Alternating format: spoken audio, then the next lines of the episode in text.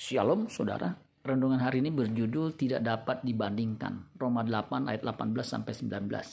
Sebab aku yakin bahwa penderitaan zaman sekarang ini tidak dapat dibandingkan dengan kemuliaan yang akan dinyatakan kepada kita. Sebab dengan sangat rindu semua makhluk menantikan saat anak-anak Allah dinyatakan.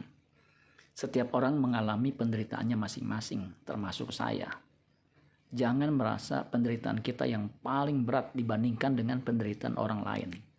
Kita jangan membanding-bandingkan diri kita dengan orang lain. Kita pun tidak bisa membandingkan penderitaan manusia zaman now lebih berat dibandingkan dengan penderitaan zaman dulu. Sejak dosa memasuki manusia lewat Adam, sejak saat itulah penderitaan dimulai. Kejadian 3 ayat 17 sampai 19. Lalu firman-Nya kepada manusia itu, karena engkau mendengarkan perkataan istrimu dan memakan dari buah pohon yang telah kuperintahkan kepadamu, jangan makan daripadanya, maka terkutuklah tanah karena engkau. Dengan bersusah payah engkau akan mencari rezekimu dari tanah seumur hidupmu. Semak duri dan rumput duri yang akan dihasilkannya bagimu, dan tumbuh-tumbuhan di padang akan menjadi makananmu. Dengan berpeluh engkau akan mencari makananmu, sampai engkau kembali lagi menjadi tanah. Karena dari situlah engkau diambil, sebab engkau debu dan engkau akan kembali menjadi debu.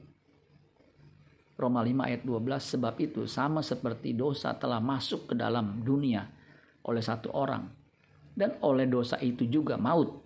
Demikianlah maut itu menjalar kepada semua orang karena semua orang telah berbuat dosa. Di dalam Kristus manusia punya harapan untuk dikembalikan kepada keadaan yang sempurna seperti rencana Allah semula menciptakan manusia, yaitu segambar dan serupa dengan Allah, sehingga bisa tinggal di rumah Bapa abadi. 1 Korintus 15 ayat 21 sampai 22 sebab sama seperti maut datang karena satu orang manusia.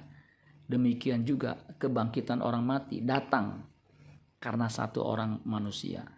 Karena sama seperti semua orang mati dalam persekutuan dengan Adam. Demikian pula semua orang akan dihidupkan kembali dalam persekutuan dengan Kristus. Saat tinggal di sorga, saat tinggal di rumah Bapa, maka penderitaan zaman sekarang yang kita alami tidak akan bisa dibandingkan dengan kemuliaan yang Allah nyatakan kelak. Amin buat firman Tuhan. Tuhan Yesus memberkati. Sola Gracia.